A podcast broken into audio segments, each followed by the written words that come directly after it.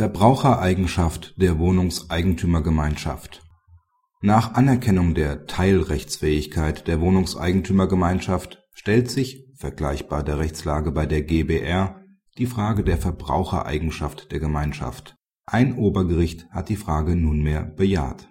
Im Verwaltervertrag ist eine vom Gesetz wesentlich abweichende Formularklausel enthalten. In einem gegen den Verwalter gerichteten Haftungsverfahren stellt sich die Frage ob diese im Hinblick auf eine allfällige Verbrauchereigenschaft des Vertragspartners wirksam ist. Das OLG München bejaht in diesem Zusammenhang die Verbrauchereigenschaft der Wohnungseigentümergemeinschaft § 13 BGB. Unter einer dort genannten natürlichen Person ist nicht nur ein einzelnes Rechtssubjekt, sondern auch eine gesellschaftsrechtlich verbundene Gruppe natürlicher Personen zu verstehen denn die § 305 fortfolgende BGB wollen alle Personen schützen, die mit dem Vertrag nicht bereits eine ausgeübte gewerbliche oder selbstständige berufliche Tätigkeit fördern. Kritik Die Entscheidung spricht ein in Literatur und Rechtsprechung bisher nicht gelöstes Problem an.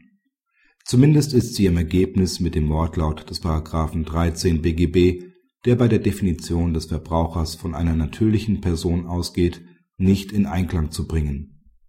Eine mangelnde Verbrauchereigenschaft wird zum Teil bejaht. Dem ist Armbrüster entgegengetreten. Das LG Rostock gehe davon aus, dass die Gemeinschaft, weil sie nicht Verbraucherin ist, zwingend Unternehmerin sei. Dieser Schluss sei voreilig, weil die Gemeinschaft mangels unternehmerischer Tätigkeit nicht unter den Anwendungsbereich des § 14 BGB falle Zudem sei der Begriff der natürlichen Person in § 13 BGB auch auf Personenverbände auszudehnen. Dieser Ansicht hat sich unter Berufung auf eine Entscheidung des BGH zum Verbraucherkreditgesetz nunmehr auch das OLG München angeschlossen. Dies vermag nicht zu überzeugen. Der BGH hat im Rahmen des Verbraucherkreditgesetzes den Verbraucherbegriff unter Einbeziehung der rechtsfähigen GbR weit ausgelegt weil deren Mitglieder für die vertraglich begründeten Verpflichtungen einstehen müssen. Dies ist bei der Wohnungseigentümergemeinschaft nicht der Fall.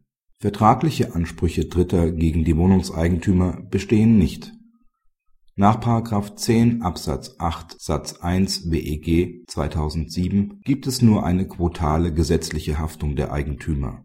Schuldnerin der vertraglichen Ansprüche bleibt die insoweit rechtsfähige Eigentümergemeinschaft Darüber hinaus ist es nicht erforderlich, dass, wenn der Verbraucherstatus nicht erfüllt ist, automatisch Unternehmertum gegeben ist. Da die Wohnungseigentümergemeinschaft ein Verband sui generis ist, kann nicht ausgeschlossen werden, dass insoweit ein Tertium vorliegt. Zudem kann die mangelnde Verbrauchereigenschaft des Verbandes für ihn wie seine Mitglieder sogar nützlich sein, weil ihm dadurch bei der Teilnahme am Rechtsverkehr weitergehende eigene Möglichkeiten eingeräumt werden. Gerade diese Teilnahme am Rechtsverkehr war unter anderem auch ein Argument für die Annahme der Teilrechtsfähigkeit. Dies würde nunmehr ins Gegenteil verkehrt, wenn man der Gemeinschaft über ihre Mitglieder nunmehr wiederum einen Schutz zukommen ließe, der nach ihrer Rechtsform ausscheiden muss. Letztlich ist auch die Rechtsprechung des BGH zur eventuellen Verbrauchereigenschaft einer GbR nicht unumstritten zu Recht wird daher gefordert, dass der Gesetzgeber die Beschränkung des Verbraucherbegriffs auf natürliche Personen herbeiführen müsse